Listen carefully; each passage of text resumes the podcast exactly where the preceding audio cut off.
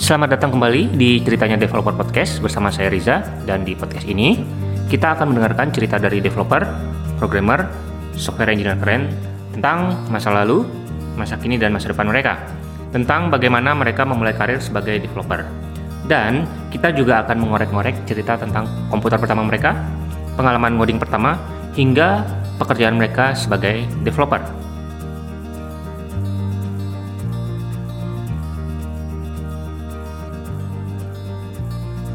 Oke, eh, sekarang kita sudah bersama Muhammad Ainuroni, eh, teman teman apa gitu ya? Boleh aja. Teman kuliah ya, teman kuliah ngerjain skripsi, eh, skripsi ngerjain tesis bareng ya. Ui, bareng ya kan. Hotel esek-esek. Esek. Eh, dan sekarang eh, Roni ini lagi apa ya? Lagi terjun ke dunia startup, bikin startupnya. Jadi mungkin boleh perkenalkan lah, perkenalkan diri sendiri lah. Kira-kira hal yang menarik tentang sosok Roni ini seperti apa? Halo teman-teman, eh, gue Roni gitu. Gue saat ini sekarang jadi CEO dan foundernya Ngampus. Ngampus, oke. Ngampus itu aplikasi buat acara-acara di kampus akademik gitu kan. Hmm. Karena gue melihat bahwasanya banyak sih acara sejenis gitu jualan acara-acara gitu ya. Tapi mereka tidak spesifik ke pendidikan. Oke. Jadi mereka eh, melihat itu sebagai as a business, pure as business, tapi mereka nggak lihat sebenarnya ada sisi pendidikan yang mereka tidak tangkap di situ. Nah, ngampus itu melihat di sisi itu, Hmm. gitu. Karena pengalaman gue sebagai kapro di tujuh tahun itu gila Kaprodi ya. ngotok gue. Jadi gue tahu masalahnya di kampus itu seperti apa sih masalah realnya gitu. Sehingga kita keluarkan ngampus. Hmm. Oke. Gitu. Jadi kayak meet up for acara Meet kampus. us for acara kampus. Oke. Oke. Gitu. Jadi eh, boleh cerita nggak ngampus ini sekarang udah sampai tahap apa? tahap tahapnya kita ya kita udah dapat CD-nya gitu Wih. alhamdulillah gitu udah bisa ngelinding gitu dengan normal Udah berapa lama? Udah berapa lama dari mulai pertama kali Eh, rilis di Agustus 2018 ya 2018 dua tahun. pertama Setahun ya. kali hampir setahun ya pertama kali kita rilis itu masih 1000 user Ri- begitu rilis langsung seribu. Sebulan gitu. tuh seribu tuh. Wow. Oke. gitu saat ini di bulan sekarang bulan apa sih Sekarang Agu- April ya ya. April 2019 kita udah 110.000 ribu Seratus ribu. Wow. 110 ribu dengan MGV-nya udah lumayan lah, udah di atas 200-an lah. Nah. ya pelan-pelan lah itu. Oke oke Eh, oke. Jadi cerita ngampusnya eh, sampai situ dulu. Oke.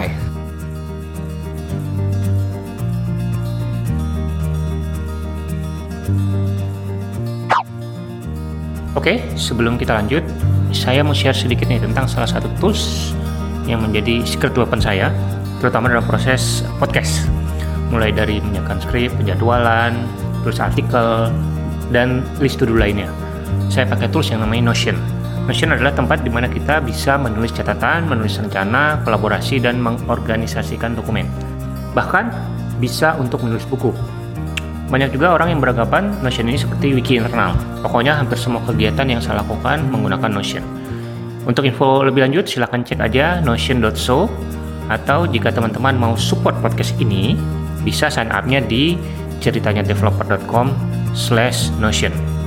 Sekali lagi, tunjukkan support teman-teman ke podcast ini dengan dengan sign up ke ceritanya developer.com slash notion n o t i o n dulu masih ingat gak sih pengalaman pertama kali bersentuhan dengan komputer Pertama kali ke komputer ya. kapan tuh Gue tuh dulu kenal komputer itu tahun 92. 92 Dulu gamenya itu pakai disket cuy.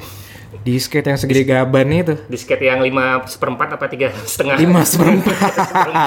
5 seperempat yang dulu komputer dulu nggak ada hard disk ya. nggak ada hard disk ya Jadi dulu itu floppy disk itu ada dua A dan Ah. B gitu. Pertama masukin dulu startup OS-nya. disk gitu kan, masuk DOS.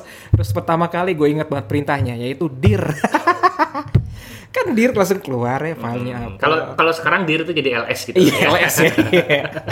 oke itu dos dos dua kali ya? Oh, dos gua tiga nggak tahu, cuy. nggak tahu ya Itu Windows belum ada tuh kan. Windows belum ada ya terus eh, apa ya main game ya berarti ya Main game lah, main, game, ya Main game, Cool Clock Twins. Lu inget masih dulu grafiknya masih kotak-kotak, Lamborghini, Iya. kontak itu. kontak itu kan ada curve-nya, ini kagak ada curve-nya cuy. Kotak semua gitu. oke nah kalau belajar programming sendiri dari kapan tuh gue kecelakaan ya masuk program masuk ini komputer Kecelakaan? serius jadi ceritanya dulu nyokap itu ini ya eh, mungkin nyari anaknya untuk sekolah gratis ya. Oh, Kayak gitu. iya. Jadi gue nyari lah itu sekolah gratisan. Hmm. Akhirnya dapat beasiswa di salah satu perguruan tinggi swasta gitu. Oke. Dapat beasiswa dan harus komputer cuy. Harus ya? sih. Harus komputer. Hmm. Gue nggak tahu komputer. Maksudnya ini komputer mau belajar apa sih? Hmm. Keluarlah nama pertama kali bahasa C. Oke. Dulu belum ada Google cuy. Ya. Jadi gue kagak tahu bahasa C itu, itu kontennya apa. Oke. Yang gue tahu bahasa Inggris, bahasa apa, bahasa C, bahasa apa gitu ya. Mhm. Akhirnya pas ketemu, ih bahasa coding cuy. Ini apa gitu, ngompal segala macam. Tapi alhamdulillah sih bisa sih, Bisa ya? bisa, gitu. Nyontek nggak? bisa. Enggak lah. Temen-temen yang nyontek. Enggak, gue dulu masih rajin lah, masih Masih rajin ya. masih rajin Oke. gitu. Awal-awal Jadi- masih rajin. Bahasa pertama kali Bahasa itu si. Itu juga tahunnya pas kuliah, udah masuk kuliah. 2000, 2000. 2000. Gitu. Oke. Terus eh abis si kemudian ketemu bahasa apa lagi? Pascal Pas oh, Pascal juga dapat. belajar cuy. C++, plus Plus Java. Java enggak. Dulu belum ya. ada Java. Pada akhirnya lu tau skripsi gue pakai apa cuy? Clipper. Oh ya, Wah iya iya. itu diajarin. Di Diajar, kampus? eh, Belajar diajarin, sendiri? diajarin, Diajarin. diajarin. Clipper itu, lu mau bikin menu utama, tampilan menu utama aja udah seribu line tuh cuy. Berat banget tuh bikin itunya tuh. Di print nggak UI. source code? iya, itu kalau buat inspeksi gitu dulu. Ini mana yang error ya udah di print gitu pakai dot metric gitu. oh, ini errornya di Clipper bikin aplikasi apa? dulu terkenal ya penjualan ya Oh, sistem penjualan. penjualan kayak dulu kan dulu kan masih zamannya warnet ya warnet Eh. ya lu tau gak sih warna clipper itu RGB banget ya dangdut norak gitu Oh iya ya. Di- Jadi Iya dong. Kalau apa eh, programming language itu ada ciri khasnya ya. Kalau kita bikin aplikasi pakai VB pasti kita tahu ya. Iya. Yep. Nah, ini buttonnya ada Yep. button ada icon apa gitu kan. Dia Kalau bisa Delphi gradasi juga gitu warna, kan. iya. Hmm, kalau Terus Clipper Clipper, gila, juga itu. gitu ya. Fox Pro mudah-mudahan gitu ya. Iya. rest in peace tuh yang namanya UI UX tuh susah deh udah Nggak ada pilihan soalnya. tapi zaman dulu masih ini sih masih em, pengguna itu nerimo Nerima. jadi selama fungsionalnya berjalan dengan baik no issue lah masalah tampilan Nggak manja ya. nggak manja Nggak manja. Nggak spoiling banget lah ya ini kurang ini nih fontnya kurang kecil lah apalah warnanya dangdut lah itu mereka nggak no issue lah selama itu bisa digunakan ya secara Hmm. Oke. fungsional itu Oke. mereka nggak masalah Oke. Iya. zaman dulu ya Zaman dulu. Curhat ya. iya dong kita kan berhadapan dengan user generasi baby boomer Baby generasi X Y sampai dengan milenial Millennials. nah, dari kampus eh, lulus eh, masuk 2000. masuk 2000 Lulus 2004 2004. On time ya. wah gue Oh, anak rajin cuy Terus abis dari kampus eh, pekerjaan pertamanya apa? developer ya Developer. lu kebayangin dong dulu waktu kuliah belajarnya bahasa C Aha. Clipper, Developer, Pascal, gitu kan, C++, Begitu kuliah, eh begitu lulus Oracle cuy, Oracle. Mantap. Oracle, Oracle yang form. Dulu masih versi 6 kalau nggak salah. Sing- Oh, bukan database-nya ya. Database-nya juga. Database-nya juga. Tapi gue di, di front end, gue Hmm. di front end, gue bikin tampilan form, bikin uh, Oracle pakai Oracle form sama Oracle report. Oh, oh model-model kayak akses gitu ya. Microsoft. Iya betul, sama kayak akses, Akses ya. Oke. sama akses. Persis banget modelnya, rigidnya, waduh gila tuh. Hmm, Oke. Pekerjaan pertama itu. Iya. Di Di kampus Di gue, kampus. gue. gitu. Terus lanjut pekerjaan berikutnya? Itu berapa lama tuh jadi developer? Developer itu em, kurang lebih berapa tahun ya? Dari 2004 sampai 2009, 5 tahun. 5 tahun. 5 tahun. 5 tahun itu ya Oh, gue baru tahu ternyata concurrency control kayak gimana. Lu bayangin lucu. Dia bikin bikin sebuah ini, bikin sebuah apa? Em, aplikasi ya Hmm. tentang em em, ceritanya jadwal ada jadwal kuliah, terus ada ada kuotanya gitu. Dan pertama kali gue nyoba karena dulu kan masih belajar segala macam, itu pas gue live itu dihajar sama banyak orang gitu, itu lemot lah database-nya, aksesnya lemot, terus em, Nggak bisa ngedit apa lebih dari satu orang gitu yang ngedit nggak? Eh, banyak, boleh bisa iya. banyak. Jadi kayak bener-bener multi user kayak sekarang lah. Hmm. Yang yang dooms banget buat gue itu yang banget kecelaka itu adalah ketika di set kelasnya itu maksimal 60 dan ternyata isi 61 cuy. Zaman dulu, eh gila lo, gue dulu 4 tahun kagak pernah diajarin namanya concurrency control cuy. Hmm. Database multi user itu nggak pernah Iya. diajarin. Lo bayangin dong Clipper, DBF, gimana multi user cuy? Gitu, locking, optimis, pesimistik, ya kan kagak pernah diajarin cuy. Oke. Terus eh, pekerjaan berikutnya? Berikutnya clerical things. Gue pernah jadi ke eh, ini kepala bagian administrasi. cuy. Oh, di- BAK, BAK. Oh, BA. Sama di kampus yang di sama. kampus yang sama ya. Jadi Kampus yang hidup sama. lu di situ terus ya. Iya, Sampai 15 sekarang. tahun, cuy. 15 tahun gila. 15 tahun Hebat mengabdi. ya. Oke, BAK. Itu berarti udah nggak programming lagi. Udah. Masih. Enggak sih udah udah enggak nggak ya. Eh, Jadi udah masuk ke Udah fase di mana manajerial ya. manajerial. Fase manajerial Hmm. gue punya anak buah dan gue harus ngurus anak buah gue gitu dan mulai keluar inovasi-inovasi gitu. Mikirin efektif dan efisien gitu. Hmm. Udah jadi user ya, minta udah jadi bikinin user, ini ya, iya udah minta bikin ini, aplikasi bikin ini. Tapi gue masih tetap query cuy, Oh, query masih. tetap query. Hmm. karena em, Buat bagian reporting. bagian ya reporting bagian IT memberikan gue akses untuk masuk ke database. Oke. Untuk eh, some some case mereka nggak bisa provide eh, report Iya. dan gue bisa query. Gitu. Oke. Dan ingat gak waktu apa dari kuliah sampai pekerjaan eh, sebagai developer, aplikasi keren pertama yang dibikin apa sih? Pertama waktu kuliah. Sistem perpustakaan cuy. Itu itu kapan bikinnya? Itu pas gue kuliah, Kuliah. pas gue kuliah tuh. Sistem perpustakaannya. Pakai apa? itu bikin? ceritanya, oh gue lupa tadi. Tadi selain eh, C++, Pascal, eh, Clipper, gue belajar VB cuy. Phoebe. Dan itu di budi eh, di kampus gue dulu gitu ya. Eh. Itu belum ada yang belajar. Oke. Jadi gue belajar duluan. Hmm. Bahkan dosen gue belum belajar. Belajar sendiri itu. Belajar sendiri. Belajar sendiri dari buku atau gimana? Gue buku sempat kepikiran mau kursus tapi zaman dulu kursus nggak ada yang kayak ini ya nggak ada yang nggak ada yang terkenal banget gitu ada kursus-kursus yang gue liat kurikulumnya segala macam kok sama kayak di buku ya gitu Hmm. dan zaman dulu belum ada YouTube juga. Ya, belum iyalah. ada YouTube lagi lah. Ke sekarang Google lagi belum enak. ada. Iya makanya kan. Jadi harus bener-bener belajar dari buku. Dari buku. Buku terus Sampai tamat tuh ya, sampai selesai. sampai yang lu ingat kan tuh 24 jam belajar visual basic cuy. Di jam 25 metong cuy. Gila 24 jam nonstop jadi ngoding. Jadi kayak kayak itu kan buku zaman dulu kita itu kuliah kan iya terkenal ya 24 jam belajar bahasa C, 36 jam belajar apa gitu. Kayak dulu buku-buku yang terkenal itu, gue belajar dari situ Oke. dan itu gue bikin lah itu perpustakaan pakai Visual Basic database-nya pakai Microsoft Access Pakai akses. dan gue belajar ODBC Hmm. Eh, lu zaman dulu kan gimana caranya bisa ini client server gitu ya Iya. Visual Basic Iya. akhirnya pakai Winsock cuy Iya. zaman zaman gila zaman zaman enak tuh ya. Kalau sekarang udah enak banget ya, semuanya client Oh, server sekarang. Em, sekarang itu enak mereka eh, kita di, sudah disediakan DLL segala macam kalau dulu kan kita harus Iya, bikin bener. sendiri gitu untuk bika- bikin komponen-komponen Iya. Tapi menurut gue sih sekarang lebih ini sih lebih mungkin kalau diadu mungkin ya objektivitasnya mungkin kayak lebih kerenan dulu ya untuk dulu ya. skill coding dibandingkan sekarang. Sekarang kayak sekarang udah lebih mudah. Iya, karena semua dipermudah jadi fundamentalnya agak Hmm. kurang terasa kali ya. Mungkin karena ini juga masalah kebutuhan bisnis sekarang ya. Hmm. Kan kita butuh cepat sekarang, Yes. instan semuanya. Yes.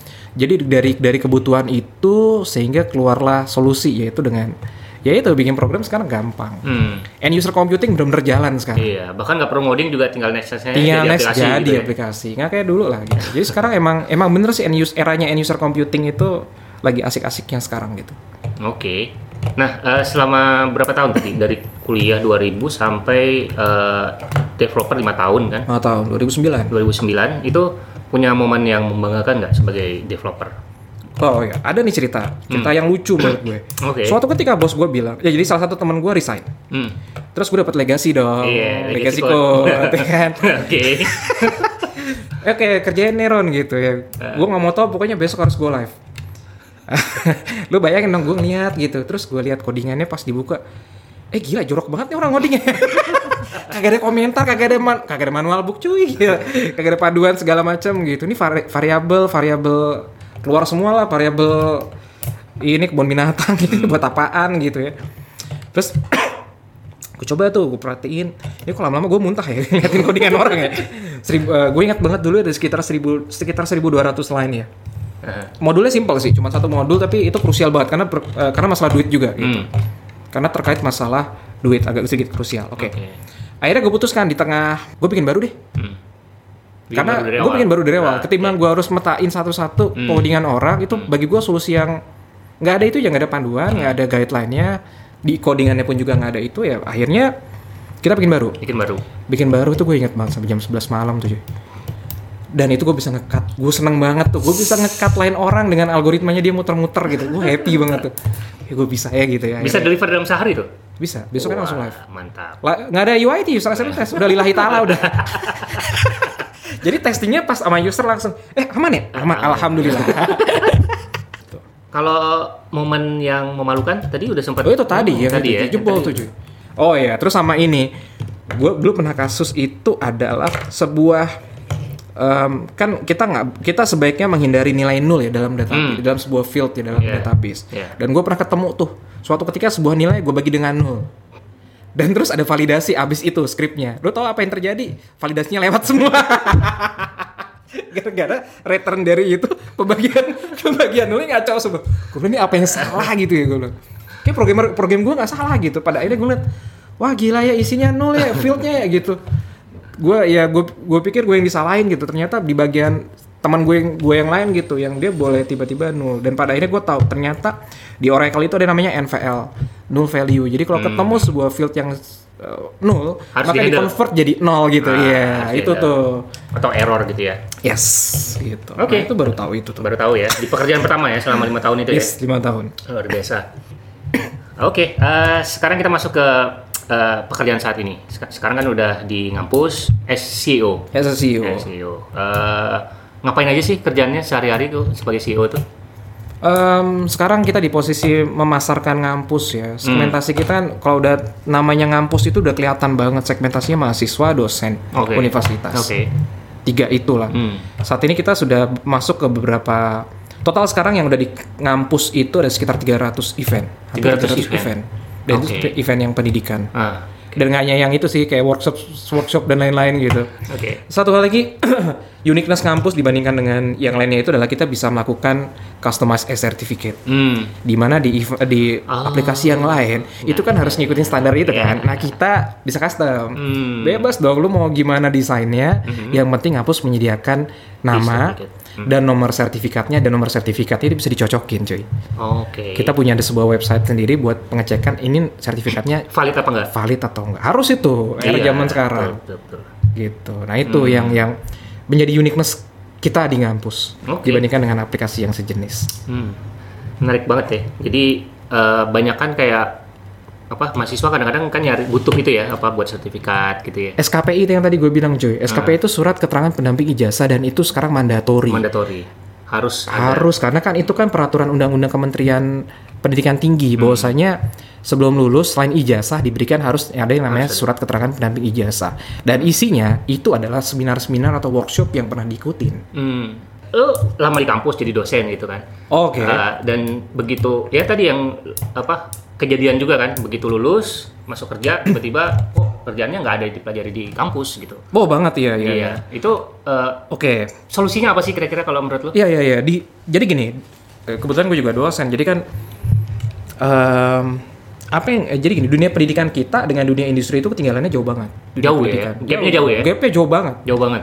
Oke. Jauh banget gitu. Dimana misal saja gitu, mungkin di kampus nggak pernah diajarin GitHub gitu. Ya, Git, GitHub ya. Oke. Version Git control segala lah ya. macem lah gitu kan. Itu nggak Oke. pernah diajarin dan Ya. kemudian sekarang itu kebutuhan yang sangat amat mandatori. Mandatory. banget gitu. Hmm.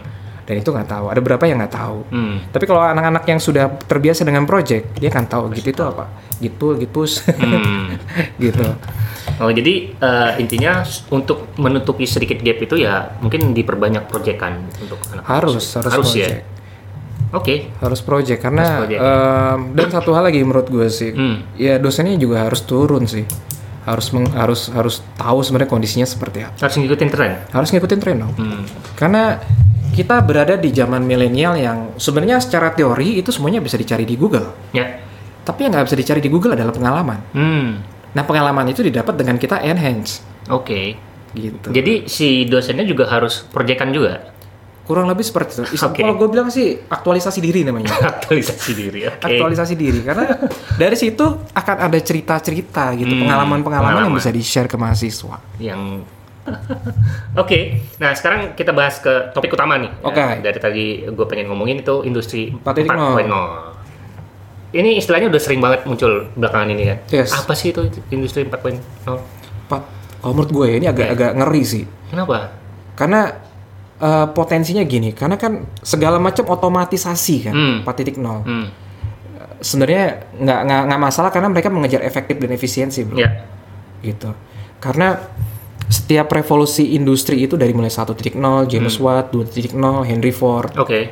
tiga kita ketemu sama mainframe segala Hmm. macam internet dan segala macam kemudian 4.0 eh, yang pertama kali di Jerman karena mereka pengen apa istilahnya mereka mungkin kurang sumber daya nggak kayak di Indonesia ya Jadi harus otomatis. harus otomatis. Harus otomatis. Dan terjadi kalau di Indonesia bagi gue mengerikan kenapa karena kita punya angkatan kerja banyak bro Pada nganggur semua nanti. kalau mereka tidak diproteksi dengan pemerintah dan mereka sendiri tidak mengupgrade skill mereka yang terjadi mereka nganggur bro Hmm. Jadi ini PR kita bersama sebenarnya dari pemerintah dia harus juga bisa memproteksi angkatan kerja kita. Konon nanti 2030 kita surplus angkatan kerja yang banyak Oke. gitu. Terus em, kalau misalnya mereka juga pada males, Nggak mau berbenah. Nggak mau berbenah. Nggak mau, nggak mau berubah gitu ya. ya mungkin mereka kerjaannya main gitar sambil nyanyi lagu slownya Via Valen kali ya, slow men. Gitu. yang terjadi adalah ya mereka akan ngeluh ya. Hmm. Eh, lu gila ini ya, kok ini Kerjaan susah. Mas gue kok iya. apes banget ya gitu nyalain pemerintah, nyalain presiden dan segala Hmm. Oke. macam gitu. Kayaknya mereka sendiri tidak sadar bahwasanya mereka harus uh, bisa Harus ya. mengupdate diri mereka sendiri. Karena upgrade, bagi saya sih, bagi gue sih gini, pendidikan itu segalanya lah. Oke. Itu yang akan menyelamatkan kita ke depan Hmm. gitu. Wise word gue lah itu. Sedap. Industri 4.0. Pariwisata. Berarti eh, kita sekarang sedang berada di Sedang gini ceritanya bro. Uh, ada du- uh, kalau menurut gue ada industri yang beberapa yang sudah 4.0 itu kan sudah disrupsi juga kan. ya Contoh misalkan sekarang banyak retail yang tutup bro. retail. Oke. lari ke OL shop kan. Yes. Dan bagi gue marketplace itu udah udah ceritanya udah habis bro. Habis ya. Habis dong. Pemenangnya cuma itu itu aja udah. Ya. Lo mau bikin lagi marketplace gimana? Udah Lo jelas ya. berdarah darah lo bro. Mau bikin startup itu, bikin startup apa? Marketplace. Aduh, kayaknya udah pitching ke investor juga. Wah, udah kayaknya udah, udah senep lah investor. Next gitu ya. Iya. Next. udah mau ini. Terus kan sekarang kan udah udah ya semuanya sudah ini gitu. Oke. Udah di di online segala macam gitu Iya. kan. Terus eh, cerita kedua adalah selain marketplace adalah di di dunia transportasi, Bro. Hmm. Abis ceritanya bro. Habis ya. Udah dua itu aja Udah udah. dua itu aja. Lu mau keluar apa lagi gitu? Mau bikin lagi kayak ojek online gitu? Waduh. Nah, gimana caranya eh, kita mindset kita berpindah dari yang konsumtif menjadi eh, produktif yang kita bikin sesuatu. Em, yang satu ya. Jadi gini. Di tahun 2015 itu ada 10 skill. Gue lupa apa aja gitu. Ah. Pokoknya paling bawah itu creativity. Se- Paling bawah. Oke. Level paling bawah. Nah kemudian di 2020 gitu. Creativity itu Jadi naik. atas. Ke nomor 3. Nomor tiga. Nomor 3. Hmm. Berarti mau nggak mau sekarang. Di era sekarang itu harus kreatif. Harus kreatif. harus kreatif. Jadi Hmm. pada akhirnya itu tadi kita punya 260 juta penduduk yang jadi mar- yang potensi market kita yaitu besar bro gitu. Kalau kita bikin sesuatu tuh kayaknya gila ya. Gampang. Oh, apa maksudnya eh, marketnya ada lah gitu ya. Gede Selalu lah. ada ya. Gede, marketnya gede. Dan kadang kan kita pada saat mau bikin startup contoh misalkan, wah udah ada nih bro gitu. Selain yang tadi gue Hmm. Iya, bilang iya, dua iya, iya, tadi ya iya. Hmm. kayak transportasi sama tadi mar- eh, marketplace sama satu lagi gitu. Wisata itu udah mati lah udahlah. Hmm. Kalau di pendidikan masih terbuka lah, masih masih masih gede banget Masih gitu. banyak ya. Eh, Kesehatan juga masih terbuka. Terus tiba-tiba lu mau bikin startup di bidang-bidang tadi pendidikan kesehatan. Terus lu bilang, eh udah ada nih gitu. Hmm. Ingat bro, yang namanya film Cinderella itu ada 6 bro, Oke. Enam versi ya. 6 versi. Ceritanya sama apa beda? Sama. Sama. Terus kenapa orang masih banyak yang nonton bro?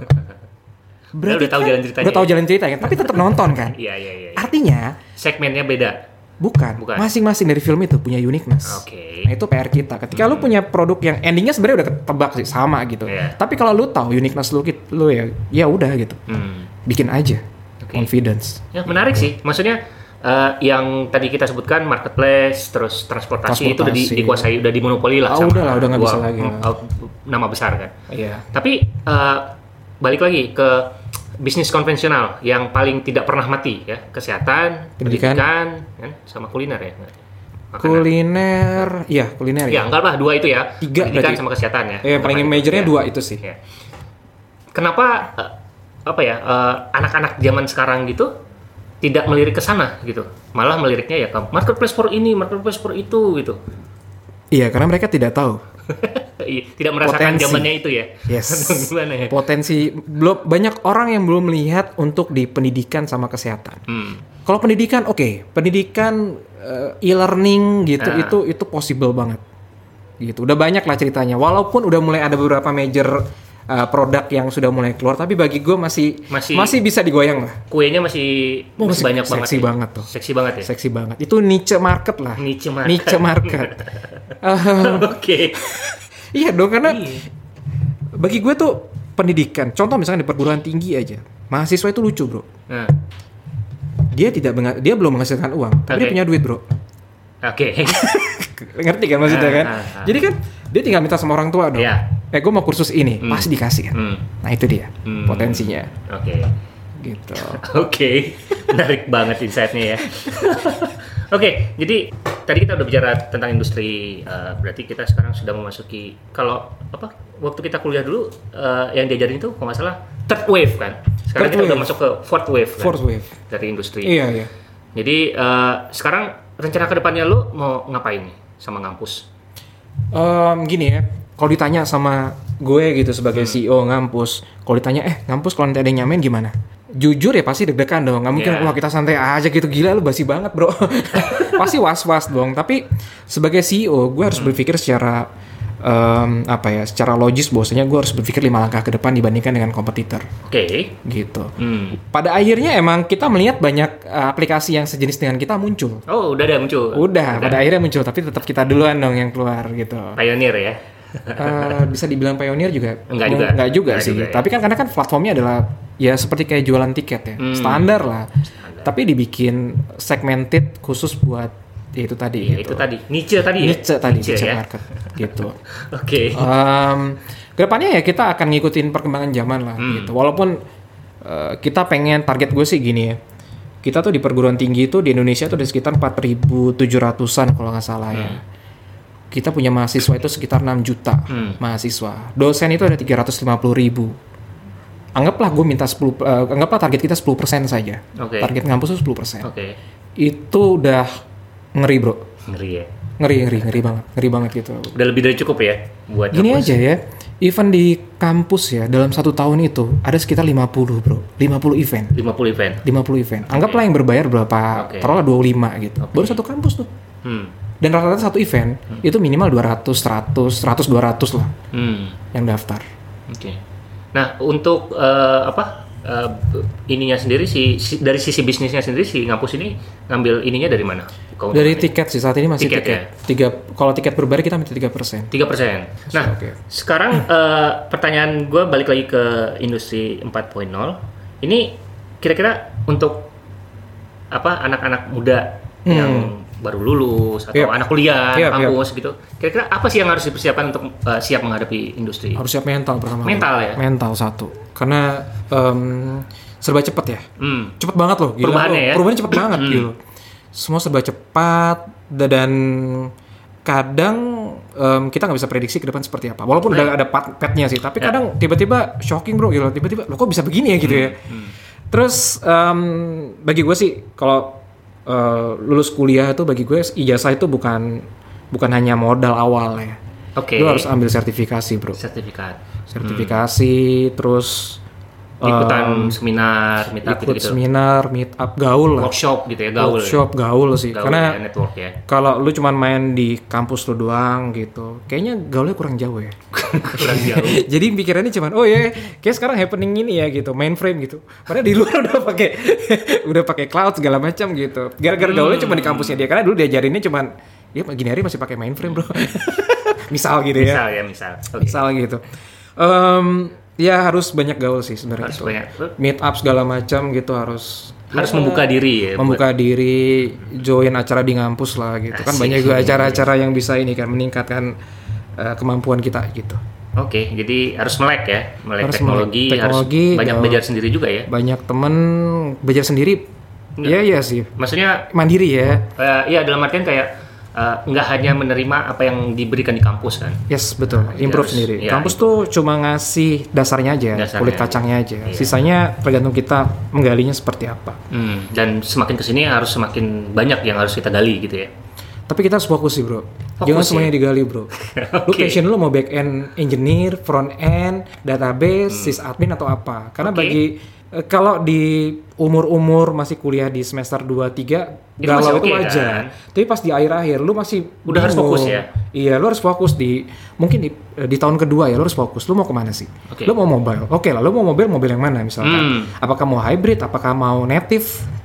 Android, iOS gitu ya. Jangan sampai nanti lu apa ya istilahnya? Ya maaf ya banci gitu. Jadi lu belajar semua mobile gitu. Native lagi ya kan.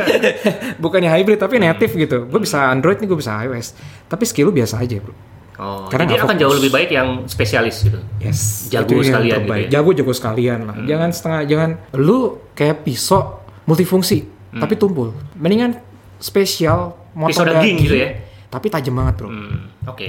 Itu sih kadang kala kita ini ya kadang kan gara-gara gaul, kebanyakan gaul tadi Iya. Ah. ya wah asiknya ternyata back end engineer keren ya ganteng ya gitu ya terus pas eh, ikutan komunitas Front end? front end Wah, seru gini, nih. Iya. seru deh kayak ini gue bisa main UI UX nih cuy back end gue nggak bisa main UI UX cuy Terus ke mobile, wah ini MacBook nih, bisa dapat MacBook nih, Iya. ini iOS. gitu iOS kan. aja nih ya.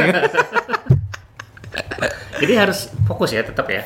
Fokus harus. Tapi kalau harus misalnya fokus. kita belum tahu sama sekali kayak wah nggak tahu nih belum belum bisa memastikan gitu belum bisa memilih belum bisa milih. ya. iya masih Masih galau gitu iya ya. galau maksudnya kayak bahkan kita belum tahu kan kita dapat kerjaan apa tiba-tiba kita udah fokus nih ke mobile tahunya dapat kerjaannya backend misalnya Iya, pada akhirnya sih nasib juga sih. sip oke Kadang kita ini ya, ada faktor namanya faktor bejo lah itu tuh yang kita nggak bisa nebak gitu. oke Tapi sebenarnya bejo itu dipupuk sebenarnya dari dari sebelum-sebelumnya kita gaul segala macam gitu. Hmm. Iya. Itu pada akhirnya lo ketemu bejo sih sampai Iya, kalau gaulnya sama orang-orang mobile Sesuai, pasti ya. dia akan Bejoknya kita dapat situ. ya, kita akan dapat uh, mungkin uh, opportunity untuk di mobile. gitu. Iya. Jangan sampai bisanya di eh, mobile terus tiba-tiba gaulnya sama ini back end gitu kan.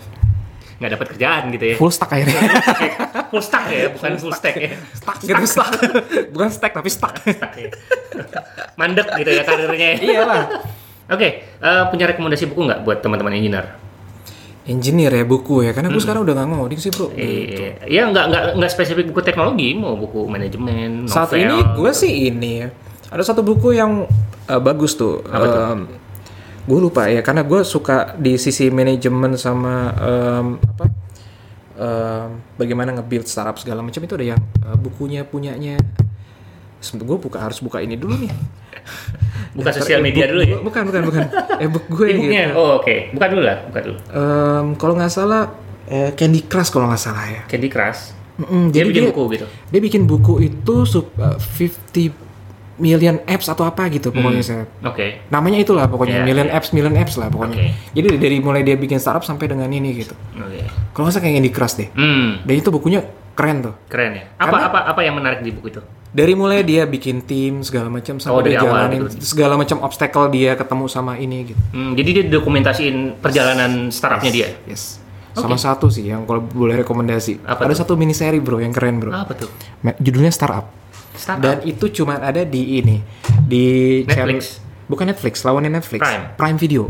Hmm, Itu keren bro. startup. Startup judulnya. Ada tiga ep- tiga tiga ini Iya. Tiga lah, session. session. ya sekarang ya. Eh, kayaknya Itu gua keren juga bro. nonton deh. Nonton lo ya. Kayaknya. Yang tentang blockchain itu bukan? Blockchain. Iya. Betul. Blockchain yang diambil sama mafia Rusia cuy. Yes. Itu keren tuh. Keren ya. Itu keren. Oke. Oke, eh, sekarang kalau ada yang dengerin gitu mau ngontak Roni, enaknya lewat mana sih online? Facebook, Twitter, LinkedIn. LinkedIn, LinkedIn ya. LinkedIn lah yang serius. Facebook mah buat, Buat ini lah buat lucu-lucu ya. lucu-lucuan, Instagram buat mamer. LinkedIn ya. LinkedIn lah yang buat Hmm. Buat kerja ya, profesional, buat serius ya. iya. Oke. Ya sudah kalau gitu eh apa terima kasih sudah datang ke Activate sudah Thank you, thank you, thank you, mampir. thank you. Keren, keren. keren. Eh, sukses buat ngampus, sukses Sama-sama, buat timnya. Activate. Eh, sampai ketemu lagi lain waktu. Sure. Oke. Thank you, thank you. Sip. Thank you, bro. Itu dia episode ceritanya developer podcast kita kali ini. Gimana? Seru ya? Nantikan episode-episode ceritanya developer podcast selanjutnya ya. Catatan dan link penting yang disebutkan narasumber bisa dicek di web ceritanyadeveloper.com. Nah, ada satu pelajaran penting yang bisa diambil dari perbincangan saya dengan Roni barusan. Sebenarnya cukup banyak ya eh, insight-insight menarik yang bisa kita ambil pelajaran dari seorang sosok bapak dosen ini. Tapi ada satu tips yang eh, paling nempel di kepala saya. Mari kita dengarkan sama-sama. Yang namanya film Cinderella itu ada enam bro. Oke, enam versi ya? Enam versi. Ceritanya sama apa beda? Sama. Sama. Terus kenapa orang masih banyak yang nonton bro? kan udah tahu jalan ceritanya Udah tahu ya? jalan ceritanya, tapi tetap nonton kan. Iya, iya, iya. Artinya Segmennya beda. bukan. Bukan. Masing-masing dari film itu punya uniqueness. Oke. Nah itu PR kita. Ketika lu punya produk yang endingnya sebenarnya udah ketebak sih sama gitu. Iya. Tapi kalau lu tahu uniqueness lu, gitu, lu ya ya udah gitu, Hmm. bikin aja. Tema yang berulang kali muncul di percakapan saya dan Roni adalah uniqueness, niche, niche, dan niche. Oke, itu saja eh, episode kita kali ini. Kritik dan saran atau sekedar hai, silakan email ke rizafahmi@gmail.com atau mention at rizafahmi22 di Twitter. Sertakan juga hashtag ceritanya developer. Dan buat teman-teman yang mau support podcast ini supaya terus ada dan bisa jalan terus, bisa dengan cara subscribe ke iTunes. Search saja ceritanya developer podcast, terus langsung subscribe dan kasih rating serta komentar. Nah, kenapa iTunes? Karena tolak ukur kesuksesan podcast ada di iTunes. iTunes lah media pertama yang percaya dengan format podcast. Jadi, semakin banyak subscriber di iTunes, semakin mudah pula teman-teman lain untuk menemukan podcast ini. Seru kan ya kalau banyak pendengarnya? Dan buat teman-teman yang bukan pengguna iTunes, nggak apa-apa, bisa juga subscribe di podcast klien pilihan seperti Pocket Cast, Anchor FM, Spotify, Google Podcast, dan masih banyak yang lainnya tinggalkan juga komentar atau review di sana ya. Subscribe juga ke newsletter Ceritanya Developer Podcast untuk mendapatkan informasi terbaru seputar podcast ini di ceritanyadeveloper.com newsletter. Selain support dalam bentuk rating, saya juga mengharapkan teman-teman untuk support podcast ini dalam bentuk lain. Ada beberapa cara. Pertama, buat yang mau menggunakan tools keren seperti Notion, bisa sign up di ceritanyadeveloper.com slash Notion, N-O-T-I-O-N. Kedua, teman-teman juga bisa mendonasikan sebagian uangnya untuk keperluan podcast ini. Teman-teman bisa donasi lewat GoPay, eh, Paypal, atau juga Patreon. Info lebih lanjut bisa cek di ceritanyadeveloper.com slash donasi. Sampai bertemu di episode berikutnya. Bye!